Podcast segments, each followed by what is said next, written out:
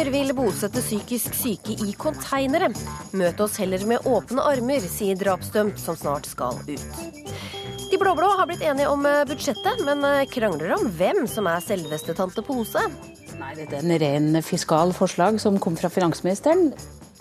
Og den nye Band Aid-låta er rævkjørt, mener musikkanmelder. Nå skal det lages en norsk versjon. Dette er ukeslutt, hvor vi også skal legge ut på en Titanic-seilas, slik Tybring-Gjedde forestiller seg det. Det er marginalt, naturligvis. Det som vi står i nå, da, som er oppholdsrommet. Eller her blir det da plassert ei seng og et garderob, lite garderobeskap. Så det blir veldig trangt og fullt her, men eh, det er sånn det måtte bli. Mange trodde nok ikke sine egne øyne da Dagsrevyen viste konteinerne som Giske kommune skal bruke som bolig for psykisk syke med rusproblemer. Men Giske er ikke alene. Kommune-Norge sliter med å bosette de som skremmer naboer med sitt rusmisbruk, og som ramponerer kommunale boliger i psykose. Reporter Kari Li møtte en som har prøvd å bo i konteiner. Jeg har bodd i en sånn sjøl. I to dager. Jeg fikk sjokk, jeg. Hun er i 40-åra, har brunt hår i en hestehale på ryggen og klare blå øyne ramma inn av maskara, som nå renner sammen med tårene i ei mørk stripe nedover kinnet. Kjære Gud, sier jeg bare, du føler deg som jeg, jeg kan ikke beskrive det, altså, men du føler deg rett og slett nederst på. Du føler deg ikke noe verdt, i hvert fall. Lilly, som jeg kaller henne, var uteligger før hun fikk plass i konteineren. Hun syns ikke det var noen endring til det bedre. Det er helt forferdelig å tenke på. Jeg syns ingen er verdig en konteiner. Det var jo sånn jeg drev med for 20 år siden og stuka i.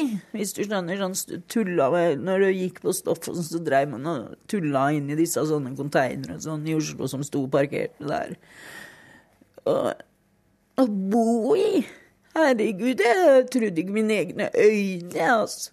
Da er det jo nesten bedre å komme i fengsel, da, for da har du i hvert fall ta, ordentlig tak over huet og mat. Vakta utafor porten til Ila fengsel har nettopp tatt mobilen min. Innafor skannes jeg for metallgjenstander før jeg slipper inn. Verne denne kroppen mot andre mennesker og verne han selv. La alt gå han vel. Thomas Borgen leser runeskrift som er tatovert på den muskuløse høyrearmen hans. Besvergelsen har ikke beskytta mot hans egne demoner. Venstre underarm er full av kutt etter skarpe gjenstander 43-åringen har fått tak i når alt går i svart. Jeg sliter sterkt med det jeg har gjort. Det, det plager meg hver kveld. Jeg har psykoser. Jeg ser avdøde.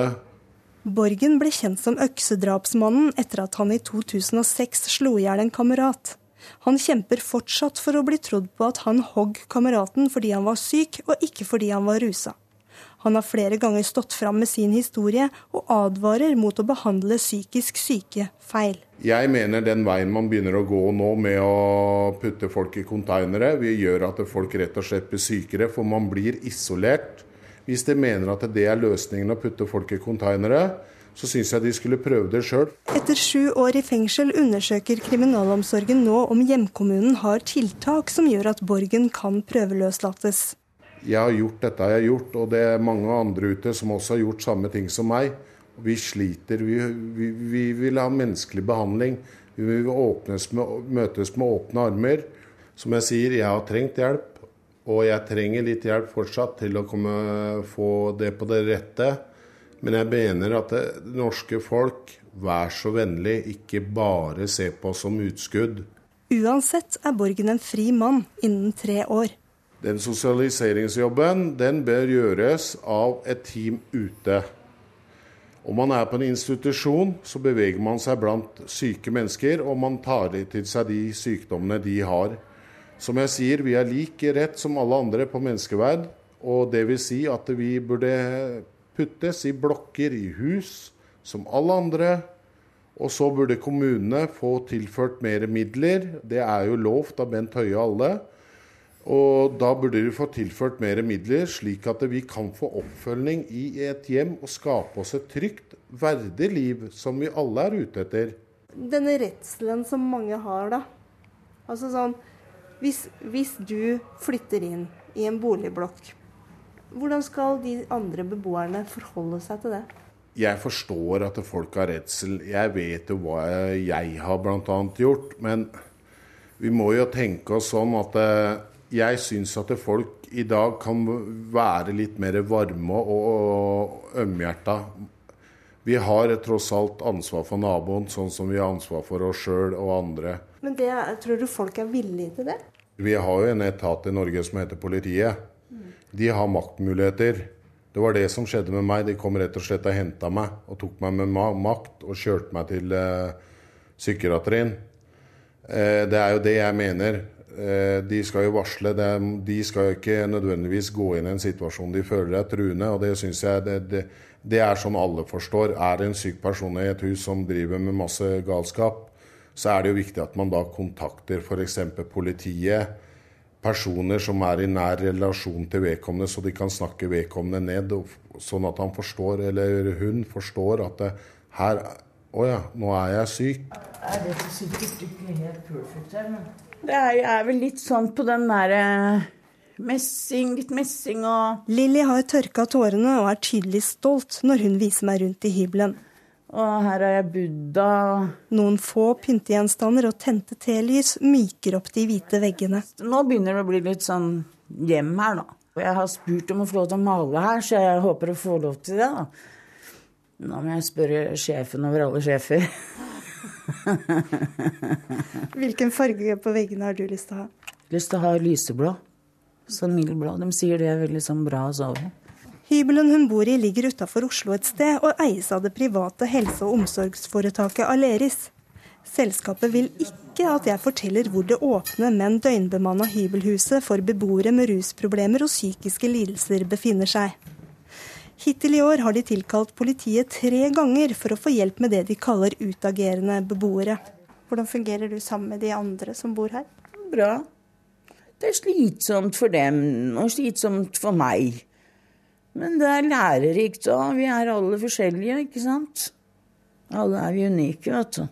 Lilly vil ikke tilbake på gata, og håper hjemkommunen er villig til å betale for ett år til. Uansett hvor lavt du går, så kan man fort Det er lett å komme opp igjen, bare man får uh, de rette instansene til å hjelpe deg på vei opp. Det har jo jeg merka her.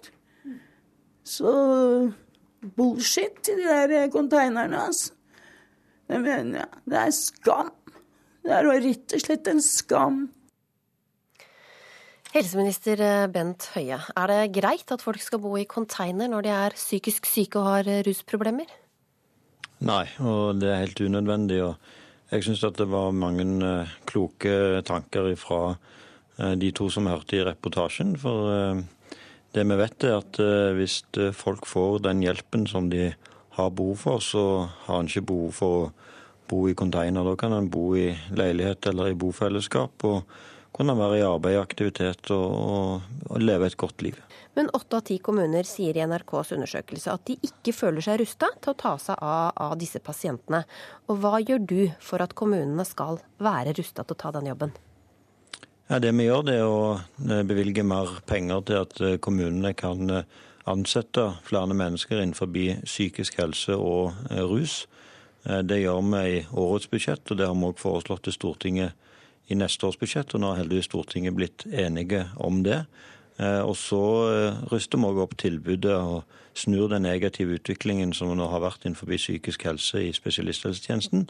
Men så er vi òg veldig tydelige på at en må jobbe på en annen måte. og Derfor er jeg veldig glad for at Stortinget nå har bevilga penger nettopp til å organisere tverrfaglige team mellom kommunen og spesialisthelsetjenesten ytterligere, utover det som vi allerede gjør i dag. Eh, vi har også hørt en del eh, naboer og nabolag som er eh, bekymra når disse pasientene blir plassert i, i, vanlige nabolag. Hadde du selv følt deg trygg med disse som nabo? Det vi ser når vi nå har på to måter undersøkt tilbudene til mennesker med psykiske helseproblemer og rusproblemer i sammenheng, når de får den type tilbud som jeg her beskriver, så klarer de seg veldig godt. Eh, er ingen fare verken for seg selv eller andre. Lever gode liv, er i arbeid og aktivitet. Så det handler om at eh, kommunen og spesialisthelsetjenesten må gi det tilbud som er rundt. og Da er ikke dette noe problemer. så er det jo også sånt, og det er viktig for meg å understreke, selv om media kontinuerlig prøver å fremstille det annerledes. Mennesker som har psykiske helseforordninger og rusavhengighet, er ikke farlige folk. Men folk er jo redde likevel. Ja da, og det skal vi ta på alvor, men da handler det om at en skal gi eh, gode tilbud rundt, sånn at en kan leve gode liv. Det er ikke noe svar på disse utfordringene at folk skal bo livene sine i, i, i sentrale institusjoner. Det skal en kun gjøre for de som utgjør en reell fare. Vil du ha noen pose? Ja, takk. En? Ja. Plastposer skal få en avgift på 1,50. Hva ja. syns du om det? Det syns jeg er helt OK. Det er veldig lite miljøvennlig, så det syns jeg egentlig er helt greit. Hvor mye forurenser en plastpose? Den går jo til gjenvinning mesteparten av den. Her i landet så forurenser det svært lite. Utlandet muligens, men eh, Enhver ting for miljøet er jo bra. Så. Tror du det vil påvirke hvor mye folk bruker plastposer? Nei. Vi har for uh, mye mat på bordet. Vi kjeder for godt. Hvis de har et bestemt mål, og hvis målet er at man skal bruke mindre plastikkposer, så er det greit. Det er en veldig god måte å gjøre det på. Hvis det bare er for å tjene penger, så er det ikke interessant. Så. Altså, En bærepose har jo ni liv. Så folk er rundt omkring de kjøper en bærepose, men de bruker den jo til sengetøy, de bruker den jo til alt. Så hva syns du da om avgiften? Nei, Jeg syns den her var tull avgiften. I 16 dager har altså Venstre, KrF, Høyre og Frp revet og slitt i forslaget til eh, statsbudsjett, og i går ble de endelig enige, bl.a. om en plastposeavgift på 1,50. Og politisk redaktør i Dagbladet, Marie Simonsen. Siv Jensen sier eh, at eh, hun vil ikke være tantepose. Så hvem er det egentlig som er tantepose i denne regjeringa? Ja, I Dagbladet i går så var det jo Trine Skei Grande som uh, fikk æren. Trineposen. Men uh, da protesterte hun overfor meg og mente at dette var typisk at alle damer alltid får sånne kallenavn, Brustadbua og sånn. Så hun mente at Knut Arild Hareide fikk få den æren. Knut Arild-posen blir det, da. Knut Arild-posen. Lars Nehru Sand, politisk kommentator her i NRK. Eh, de fire partiene har jo snakka mye om å få satt sitt fotavtrykk på, på budsjettet. Hva slags eh, fotavtrykk eh, har de fått til? Ja, Nå har de jo sparka hverandre på leggen i, i over nesten ja, over tre uker, så det blir jo mange fotavtrykk selvfølgelig til slutt. Og det har de klart. Og det er jo selve målet med en sånn prosess, at alle liksom skal få litt å være fornøyd med, og mye å kanskje sparke grusen over. Men de har de har kommet i havn, sånn at alle har fått sin lille merkesak og kunne flagge høyt til sine velgere. Og kanskje prøve å overskygge det de har måttet svelge på veien. Hmm. Hva tenker du, Simonsen? Ja, altså Typisk dette vi innledet med, denne pose, poseavgiften, som faktisk eh, innkasserer en hel milliard, det er jo det er ikke bare småpenger, eh, er jo en ren saldering. Eh, så det er jo ingen som egentlig står opp for den, selv liksom miljøsak. Eh, så har de jo fått eh, reversert en del av disse mest upopulære kuttene, som, eh, som har skapt mye storm. Men hovedtrekket, selv om de har kuttet litt i kuttene i formuesskatten, det står der fremdeles som et av hovedgrepene i det blå budsjettet. Hmm. Siv Jensen påsto på Dagsrevyen i går at budsjettet treffer Frp-velgerne godt. Er dere enig i det? Det kommer jo an på hvem av Frp-velgerne man spør. Det er både en, eh, en, reversering av eh, Fremskrittspartiets eh, flyktningpolitikk ved å ta inn mer, flere kvoteflyktninger og også gjøre andre tilpasninger på, på asylpolitikken.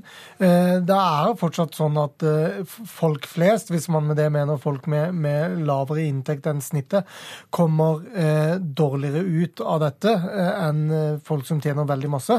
Nettopp fordi formuesskatten, som Simonsen sier, fortsatt er hovedtrekket her. Så å si at dette er et typisk Frp-budsjett, det, det, er jeg ikke enig i. Og til det er det for store eh, avgiftsendringer som går i folk flests eh, disfavør, selv om man da får gjennomslag for denne bensinavgiften. Det er jo neppe sånn at uh, den jevne Frp-velger uh, håpet at de skulle komme i regjering for å øke avgiftene og innføre avgifter som egentlig ikke har noe mening og ta inn flere kvoteflyktninger. Eh, men det Frp fikk til, var jo en, liksom, noe som har vært deres kampsak i alle år. Eh, og de facto egentlig sette ned bensinavgiften og bensin- og dieselavgiften. Og den prisen man eh, som forbruker sparer på det, kan man fort ende opp med å måtte betale i dyrere strøm pga. samme Frp. Og det vil nok velgerne oppdage tidsnok. Så mye symbolsaker her. Man kan, eh, man kan, si at eh, de har sittet og kjempet i tre uker og fått flyttet på 6,3 milliarder. Og budsjettet er som kjent rundt 1300 milliarder, så det blir ikke så veldig mye. Men det er selvfølgelig viktige saker for dem det gjelder. Men hvorfor har de kjempa så mye om bare noen få milliarder?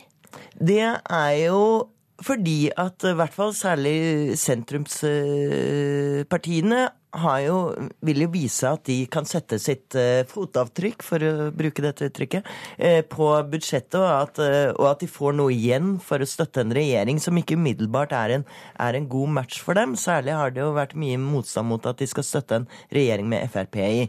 Men de, så de må vise at de får et grønnere budsjett, et gulere budsjett. Eh, Knut Arild Hareide fikk bistandpengene sine. Slike ting som de kan gå til velgerne sine og si at se her, vi sitter ikke der som nyttige sand, eh, idioter og sandpåstrøere. Og Det var jo disse tre ukene of fame for å si det sånn, som, som, skulle være sentrumspartienes gevinst.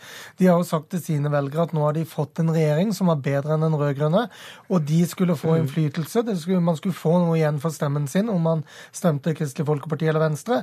Og Derfor må man hale og dra da, i tre uker og vise den innflytelsen, mens Høyre og Frp kan være statsråder hele året. Mm.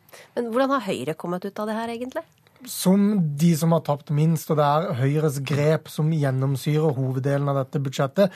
Både fordi det største milliardgrepet fortsatt er eh, formuesskattekutten på høyre vis, hvor man tar det meste på toppen og ikke så mye fra bunnen av. Eh, men også ved at eh, de store valgkampsakene til Erna Solberg, rus, psykiatri, eh, lærere og, utdanning er det som er eh, liksom, hovedessensen i budsjettet. Og så har Frp kunne sole seg glansen av samferdsel og justis. Men, men, Erna Solberg er nok mest lettet over, uh, for at budsjettet overhodet kom i han. Dette var det, det første budsjettet. Det er hovedgevinsten. og at samarbeidet, at de nå smiler til hverandre og klapper hverandre på ryggen igjen. Mm. Eh, men det har jo hatt Eh, litt av en pris, da, hvis man ser på meningsmålingene. At eh, de nok eh, kom veldig skjevt ut med dette budsjettet. De feilberegnet rett og slett ikke bare Venstre og KrF, men også sine egne velgere. Noe som viser i meningsmålingene hvor en ganske stor andel Høyre-velgere faktisk går over til Arbeiderpartiet. Men er det noe håp om at de får tilgivelse fra velgerne nå med dette endelige budsjettet? Jeg tenker at det blir en tøff jobb, fordi at det bildet som har festet seg med eh, store skattekutter til de rikeste og kutte litt eh, for de fattigste, det er et litt sånn fordomsfullt bilde kanskje mange har om, om de blå-blå. Og dermed så blir det enda vanskeligere å kvitte seg med det. Kort til slutt, eh, Lars Nehru Sand. Forhandlingene har nå tatt så lang tid at finansdebatten blir utsatt. Hva slags konsekvenser får det? Det, det, passer godt inn i det bildet mange tjener på å tegne av et regjeringsprosjekt som, som, sliter, eh, og at det er kaos, og at eh, de klarer ikke engang å bli ferdig til tiden. Eh, så imagemessig så passer det dårlig inn for regjeringen. Men klart den praktiske konsekvensen av dette er at, at debatten blir på en mandag, ikke en torsdag, og det lever nok de fleste velgere greit med. Tusen takk, Lars Nehru Sand og Marie Simonsen. Magnus! Magnus. Sov, lille mann, du har mye å sove på. La tunge tanker få hvile i fred. Han så ikke veldig opplagt ut. Han sitter der i egne tanker og har nok ikke fokus nødvendigvis på om han lener seg den ene veien eller den andre veien, eller, eller, eller lukker øynene et øyeblikk. Mange ble nok eh, litt bekymra da Magnus Carlsen rett og slett sovna under sjakk-VM denne uka. Men ifølge legen hans eh, Brede Kvisvik er han i ren tippeligaform. I dag kan eh, Magnus hvile med god samvittighet. Det er hviledag. Men hva bruker VM-hoppet vårt hviledagen til, Brede Kvisvik? I dag så har Magnus bestemt seg for å spille litt basket og gå seg en tur i sola her i Sotsji. Ble du bekymra da han duppet av? Nei, altså Magnus eh, før det partiet sa han til meg at han var ikke helt i toppform. Men eh, så kom han seg litt utover partiet, da. Så det er litt eh, Selv om det ser ganske ut som han er veldig sliten, så, så er det nok ikke så ille på innsida. Men du har sagt at han er i tippeligaform. Hva betyr det? Nei, Det var vel eh, litt i forhold til at han er i veldig god eh, fysisk form, og at han har en eh, Altså, han trener veldig mye kondis, da. Så han kjører minst ei, ei økt når han er hjemme i Norge, og får, får også trent på fridagene her. Men er det vanlig for sjakkspillere å prioritere fysisk form? Du, det er ganske nytt innenfor sjakkverden at folk fokuserer så mye på fysisk trening. Men allerede på 60-tallet så dro Fischer i gang, gang, det konseptet. Det sies at Magnus også tyr til yoga. Hva er det godt for sjakkferdighetene? Nei, altså Tanken er jo at det skal fremme både konsentrasjon og eh, konsentrasjon over flere timer. Eh, og at han skal klare å yte, yte bra når man kommer i, i sluttspillet da, etter kanskje fire-fem timer foran brettet. I morgen så blir det jo en uh, spennende dag hvor jeg har skjønt at Magnus kan avgjøre det hele. Hvordan er nervene hans? Du, Magnus har vært veldig avslappa under hele oppholdet her. Han har ikke vist noe tegn til at han føler for stort press. Så det er klart, han leder jo fortsatt matchen, og han har spilt mye bedre enn andre hele veien. Så han føler seg nok ganske selvsikker før de to siste partiene. Men tror du det kan avgjøres i morgen allerede? Altså, jeg håper han klarer å, å vinne det siste hvitpartiet sitt. For det er klart, eh, hvis han da står der med, med, ryggen mot veggen eh, før det siste partiet, så det er klart, da kan han bli farlig. Men uansett så, så er Magnus stor favoritt, selv om han ikke klarer å vinne i morgen. Da ønsker vi lykke til i morgen, og tusen takk for at du var med Ukeslutt, Brede Kvisvik. Få med deg dette videre i Ukeslutt. Den nye Band Aid-låta er rævkjørt, mener musikkanmelder.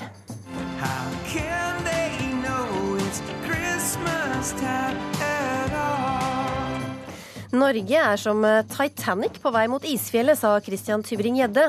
Selv passer han bedre som offer enn som helt, parerer BT-kommentator.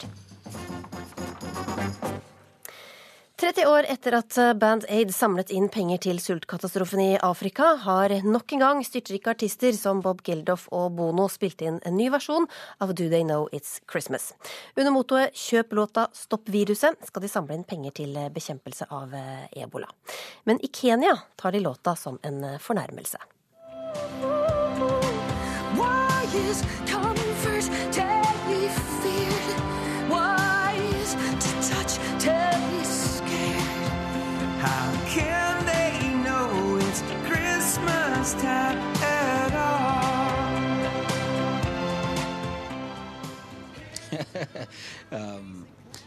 why don't we know that it's Christmas? The, the lights are out there in the malls. So I, I think it is insulting to even ask uh, whether we know it's Christmas. Visst vet vi at det snart er jul. Julelysene er allerede tent i kjøpesentrene. Bare spørsmålet er en fornærmelse mot oss afrikanere. I dette kontinentet bor en fjerdedel av alle kristne i hele verden, sier George Gattegay. Han passerer plastjuletreet i foajeen i resepsjonen på Best Western i Nairobi, på vei opp til takterrassen, der caffè latten er god og utsikten praktfull over Nairobis skyline. Den passer en moderne storby i et land med ambisjoner i sterk økonomisk vekst. Det er det lite snakk om i vestlige medier, mener George. Han er politisk kommentator og underviser i kommunikasjon. I think it is unethical to sort of uh, take advantage of uh, Ebola to bring you know, to bring yourself back in, into the limelight. I think what Geldof is trying to do is trying to, re, uh, to reinvent himself 30 years later. And, and um, Ebola is probably one of, of, of, the worst choice he would have taken, or he should have taken. George er lettere oppgitt over det inntrykket Geldof skaper av Afrika som et fortapt kontinent som nesten ikke er til å redde. Det er uetisk å bruke ebola-tragedien for å komme tilbake i rampelyset. Innslaget var ved Afrikakorrespondent Sverre Tom Radøy. Og Sigrid Hvitsten, du ga låta terningkast én i ja. Dagbladet. Hvorfor det? Nei, eh, nå er jeg eh, musikkanmelder, da. Eh, og du kan si at den eneren på terningen var jo først og fremst en kritisk vurdering av en låt. Jeg vurderte den låta sånn som jeg vurderer alle låter som eh, jeg, jeg hører på som musikkanmelder. Hva syns du om eh, resultatet? Jeg syns det var forferdelig. Nei, jeg er jo en av de som har et litt nostalgisk eh, forhold til originalen fra 1984. Og selv om den var jo ganske pompøs og drøy, den også, så har han nå for fjerde gang antakeligvis laget den dårligste versjonen han noen gang har laget. Kompe er daft, produksjonen er lat, eh, vokalistene synger De bare lirer av seg noe greier. Eh, det er rett og slett en, en dårlig utført eh, pophåndverk, kan man si. Eh, men så kan man jo også si at eh, det gjør vel ingenting så lenge man eh, får samla inn noe penger. Ja, det var det, da. Lasse, Lasse Jangås, du er samfunnsredaktør i Nordlys og skrev en særdeles ironisk kommentar om de som kritiserer Geldof. Hvorfor heier du på Geldof og gjengen?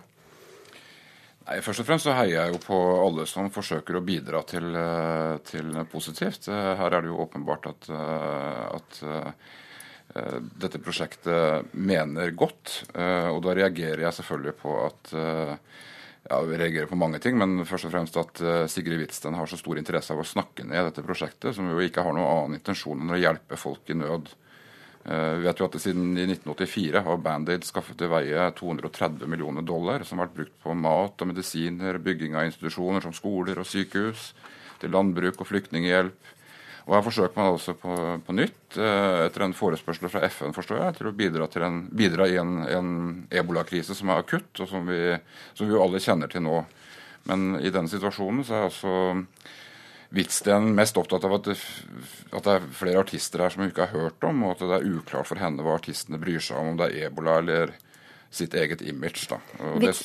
Hvitsten snakker hun er en god sak?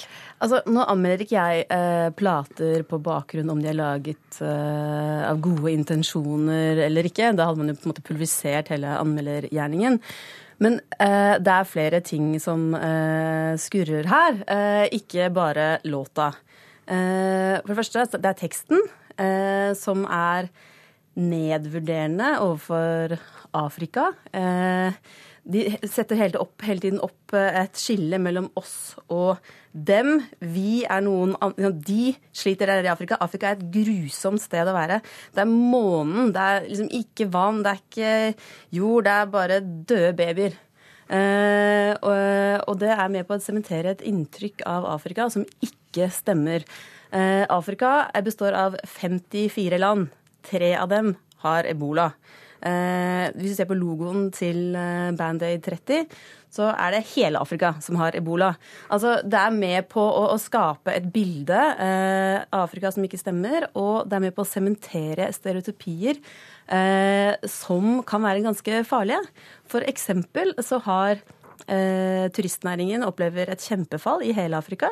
Eh, 20 noen, noen steder, 70 andre steder. Fordi at folk nå er redd for at hvis de drar til Afrika, så får de ebola. Jangås, eh, er ikke teksten ganske nedlatende da? Vet de at det er jul, liksom? Altså, jeg, jeg, kan aldri tenke meg at Bob Geldof har hatt et ønske om å være nedlatende. Og jeg tror heller ikke at folk kjøper denne låta pga. teksten. Jeg, jeg tror folk har lyst til å støtte en viktig sak, og det gjør de jo. Vi ser jo at låta topper listen over veldig mange steder i verden. Og hva er på en måte alternativet da? At, at folk i nød skulle måtte vente på hjelp fordi Bob Geldof har skrevet en bedre sangtekst. Og, når, og da tenker jeg at altså, altså, Noen dager er det verdens aids-dag. Skal vi nå slutte å snakke om aids fordi at det stigmatiserer Afrika? Skal vi, skal vi slutte å snakke om de, de, store utfordringene i Afrika og på andre kontinenter fordi det skaper et inntrykk av at alt er elendig? Eh, altså, i, I går så døde det 3000 barn under fem år av lungebetennelse i verden. Det døde 8500 barn under fem år av underernæring. 2000 dør av diaré hver dag, 1700 mennesker dør av malaria, 3500 av tuberkulose osv. osv. Skal vi slutte å snakke om disse tingene fordi at det skaper et dårlig inntrykk av Afrika? Ja, skal vi det, Witzel? Nå syns jeg han forenkler sakskomplekset veldig. Vi snakker om Band-Aid, vi snakker ikke om alle disse andre tingene. Eh, og vi snakker om eh, 30 år eh, med stigmatisering. Eh, altså, Det var ikke slik at ebola oppsto for en måned siden. Eh, Bob Gellof kunne begynt å skrevet et ny tekst for en låt for et helt år siden. Da de første ebola-casene kom i Guinea. så det er ikke slik at han har hatt dårlig tid akkurat.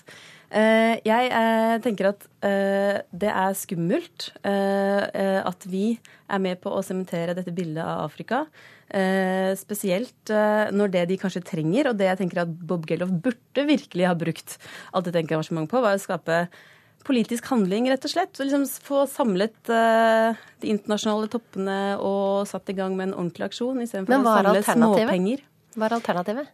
Alternativet til, uh, til Band-Aid? Ja. Oh, ja, ja. Uh, nei, altså Band-Aid er småpenger. Eh, det man burde gjøre, altså, hva vet jeg egentlig, men eh, det man jo kan gjøre, er å skape politisk handling og oppfordre til politisk handling og, og skape et større engasjement i folket. Jeg er helt for å samle inn penger, men jeg er ikke for å samle inn penger når det på mange måter skader mer enn det tjener, da. Men, men den, For 17 den, millioner er småpenger i ja. den store helheten. Men hvis den, nå har jo også Band-Aid ført til en, en rekke, i løpet av disse 30 årene ført til en rekke andre prosjekter som har fulgt i kjølvannet, og som er en del av Band Aid. Bl.a. Live 8, som har uh, hatt uh, G8-toppmøte, som har vært hørt på G8-toppmøtet i, i, mange år. Det har vært Live 8-konserter som har uh, gått i tilknytning til slike G8-toppmøter. Så, så, det er jo ikke riktig det du sier. Altså, disse Bob Geldof og Band Aid har jo påvirket politikerne i G8-landene i, i mange, mange år. Og det er flott. Det er kjempeflott. Men det går an å gjøre det på andre måter. Man kan gjøre det på andre måter enn ved å tvære ut en låt som er stigmatiserende, og som oppleves som krenkende og provoserende for veldig mange av det det gjelder. Men nå har eh, Bob Geldof gitt tillatelse til at det kan lages en norsk versjon av låta. Hva tror dere om det, Gjengås? Jeg syns alltid det er en god idé at noen tar initiativ og har lyst til å hjelpe folk som trenger, trenger hjelp. Og jeg heier på folk som vil andre vel. Eh, vi ser I Tyskland nå så har man eh, med, med, sine 80 millioner innbyggere der, så ligger den tyske versjonen av låta på førsteplass og den britiske versjonen på, på andreplass eh, på iTunes-lista der. Og Det gir jo selvfølgelig store inntekter til denne saken. Men, men problemet med, med, med, dette som, som Sigrid Hvitsten nå gjør, det er at hun, når hun snakker ned Band-Aid på denne måten, så, så, kan det jo også tenkes da at det er en del artister som tenker seg om to ganger før de stiller opp. For her er det viktig å ha kred. Eh, og, og, jeg oppfatter Hvitsten som, som, en slags uh, fører for dette kred-politiet, som, som, som, ikke ønsker at man skal uh, bidra i sånne typer saker. Og Det syns jeg er trist. Det er latterlig. For i anmeldelsen, hvis du har lest anmeldelsen min, så oppfordrer jeg til å gi mer enn tolv kroner til både Leger uten grenser og Røde Kors. Jeg oppfordrer egentlig til å gi penger til masse, masse penger, mer enn tolv kroner, til alle organisasjoner som kan bidra i kampen mot ebola. Men akkurat Band-Aid 30 er, det er et vepsebol eh, av eh, både en og andre. Så jeg tenkte at vi kunne kanskje la denne ligge denne gangen og skrive en ny låt hvor man f.eks.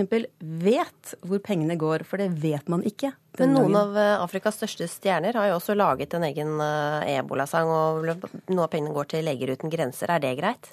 Den låta er jo helt nydelig. Og, og, og jo, jeg har jo registrert det at i Afrika, eh, i disse eh, stedene, eller disse områdene i Afrika, eh, så har det oppstått flere eh, sanger eh, som artister har skrevet om, som, som først og fremst kanskje fungerer som folkeopplysning. Da, hvordan man skal oppføre seg, oppføre seg, i disse områdene for å unngå å bli smittet. Og det er jo superviktig. Og det er på en måte den type kunststøtte jeg mener vi burde heie fram. Og da sier jeg tusen takk for at dere kom til ukeslutt. Tar man en sånn en, og så putter man opp repa. Hva slags følelse gir det når man tar en sånn? Nei, hva skal jeg si? Ja? Det svir litt i leppa, og du føler liksom at du får et inntak av nikotin. da. Tror du det er farlig å snuse? Eh, det er nok farlig, men ikke til samme grad som sigaretter, tror jeg. Egentlig er jeg avhengig av nikotin, og jeg syns det er bedre enn å røyke sigaretter. Det er alltid noen det, Noen røykere dør jo, noen dør ikke. Noen tannkjøtt blir ødelagt, noen blir ikke ødelagt. Så da blir det litt sånn det spørs om man baker snus på sånn løssnus da, hver dag og har det oppi kjeften hele tiden, eller om man har litt mer redusert eh, forbruk. Jeg tror mest det er forhøyende for blodtrykket og at det skader tannkjøtt og tenner. Har du planer om å slutte? Nei, jeg har ikke det. Mye her som ikke hørtes så fristende ut, men snusing er blitt en epidemi, sa Folkehelseinstituttet med hevet pekefinger tidligere denne uka. På fem år er nemlig snusinga her til lands tredobla. Så hva er det med denne snusen? Kjetil Bergman Olsson, du har undersøkt en rekke myter om snus i boka Lykkens pris. Én er at snus inneholder glassbiter. Er det sant? Eh, snus inneholder nok ikke glassbiter, og har heller ikke gjort det tidligere. Eh, det, var, eh, det var mange tøffe historier om at, eh, at, det var glassbiter i snusen, spesielt tidligere, da, fordi at eh, det ville gi nikotinen en fin autostrada rett inn i, i blodet. Eh, men det er, det er, altså saltkrystaller som har blitt forvekslet. Mm. Hvilke andre myter om snus har du sjekka ut? Vi har sett på mange forskjellige myter, men eh, det at det er farlig å svelge snus f.eks. er en myte. Eh, og det er jo en rasjonell myte, fordi at man har sett eh, på disse nybegynnerne som skal begynne å snuse. De svelger snus fordi at de trykker ofte på, på leppen. Og, og, det kan irritere magesekken og gi forgiftningssymptomer. Og dermed så har denne myten oppstått. Men ikke farlig, altså. Kanskje ekkelt, men ikke farlig? Ja, altså Nei. Men vi forbinder snus med, med svensker. Men hvor kommer egentlig snusen fra? Ja, vi må tilbake til, eh, til 1400-tallet, slutten av 1400-tallet. Der eh, Columbus hadde sine reiser i 1492 og 1493 i Karibia. Der eh, startet dette si, eventyret for noen og, og, det motsatte for andre. Tobakken. Tobakken kom til Europa. Men hvem var den første som liksom putta den under leppa, nærmest? Ja, altså på den tiden så var det faktisk sånn at snusen ble inntatt eh, som snøff, altså sniffet inn i, i nesen. Men du har uh, selv eh, snusa, som vi kanskje har forstått. Og, og, og hva skjer med, med, deg når du åpner en boks med snus og kjenner lukta og legger den under leppa? Ja, altså det har jo vært nytelse hele veien, det har det. Eh, og jeg har snust i 20 år. Men eh, til, til, slutt så var det nok sånn at nytelsen kanskje ble også litt forvekslet med en avhengighet, kan man si. Og, og det var avhengigheten som gjorde at jeg eh, valgte å, å, å slutte. Og, og, nå kan jeg eh, altså ta en pris hvis jeg har lyst. Og, og da, kan det bare være, da er det bare snakk om nytelsen igjen, da. Hva var det som fikk deg til å slutte? Det var jo flere ting som fikk meg til å slutte. Det var det var det faktum at vi hadde flyttet til Tønsberg for, eh, for tre år siden. og så, så når jeg så rundt meg, så, så, fant jeg ut at det er ingen her som har sett meg i naturlig profil. Altså, De har alltid sett denne svære overleppen fordi at det lå en eh, snus der konstant. Og, og det knyttet til en avhengighet, så begynner man å tenke at det, det blir litt for mye. Og Hva slags forhold har du til snus i dag, da? Jeg har et veldig godt eh, forhold til snus i dag. Jeg kan hylle snusen som et som et uh, livsnytterprodukt, samtidig som, uh, som, jeg er fri for avhengigheten. Fordi at det er åpenbart uh, håret i suppa, kan man si.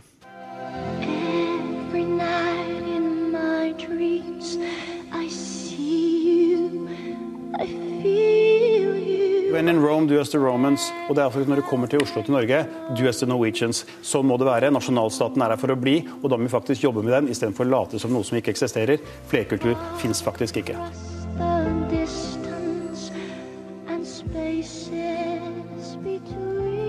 Norge er altså som eh, skipet Titanic i ferd med å synke, mens orkesteret fortsetter å spille. Det var budskapet til eh, Christian Tybring-Gjedde i hans nye bok.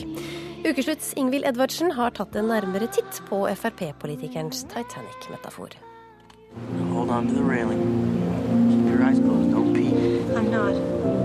Med Leonardo DiCaprios hender rundt livet og armene ut i siden lener Kate Winslet eller Rose seg forsiktig ut foran baugen på Titanic. De røde krøllene, den blå fløyelskjolen og solnedgangen fargelegger kjærlighetsscenen i filmen fra 1997. Men alle som kjenner historien om skiltet som ikke kunne synke, vet at lykken tok en brå vending.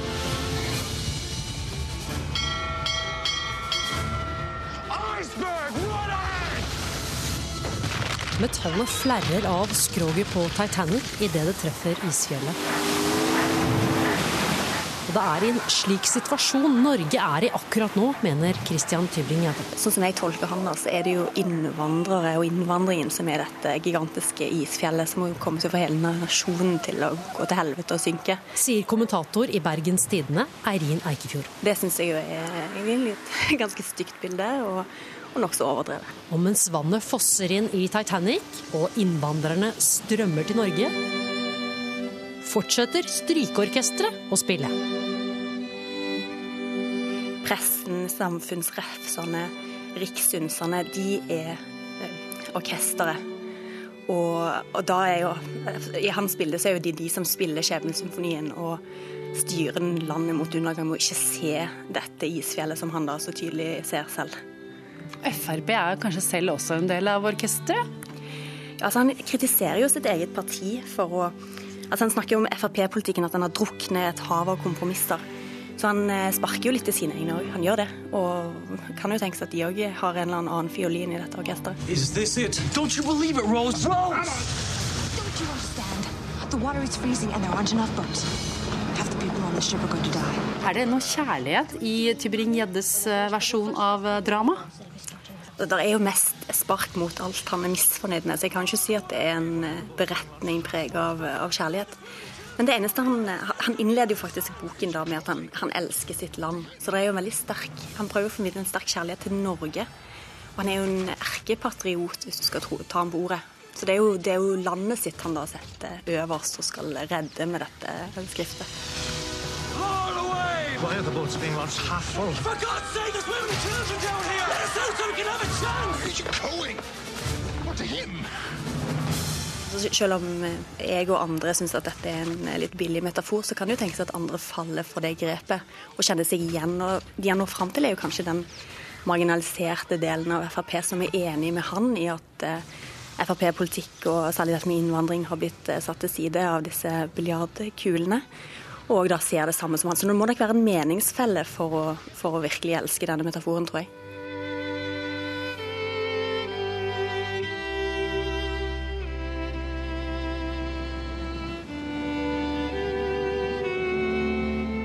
Strykeorkesteret på Titanic spiller sin siste sats. Gentlemen, it has been a privilege playing with you tonight. Før også de legger ned instrumentene. Mens Rose klamrer seg til gelenderet, forsvinner skipet ned i havgapet under henne. Helten DiCaprio, som redder livet hennes, drukner. Men hvor er så Tybring-Gjedde selv i dette dramaet? Ja, Det er jo ganske interessant. For Jeg prøvde liksom å gå litt til bunns i denne metaforen. Og da Når isfjellet er innvandringen, når orkesteret er pressen, hvem er da Tybring-Gjedde selv? Er han kapteinen? Er han utkikksmannen? Er han Leonardo DiCaprio? Jeg klarte vel ikke helt å finne et godt svar på det. Eh, dette er jo en mann som blir syk av Marie Simonsen og Eivind Trædal, så eh, kanskje han ikke er eh, noen overlever. Han er neppe kapteinen. Eh, ja, ikke den store heltepotensialet.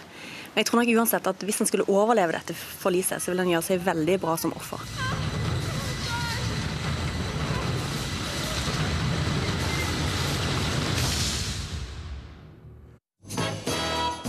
Ukeslutt eh, er eh, over. Eh, ansvarlig for sendinga var Elisabeth Onsum. Teknisk ansvarlig Erik Sandbråten, skript Lars Christian Rød og i studio Linn Beate Gabrielsen.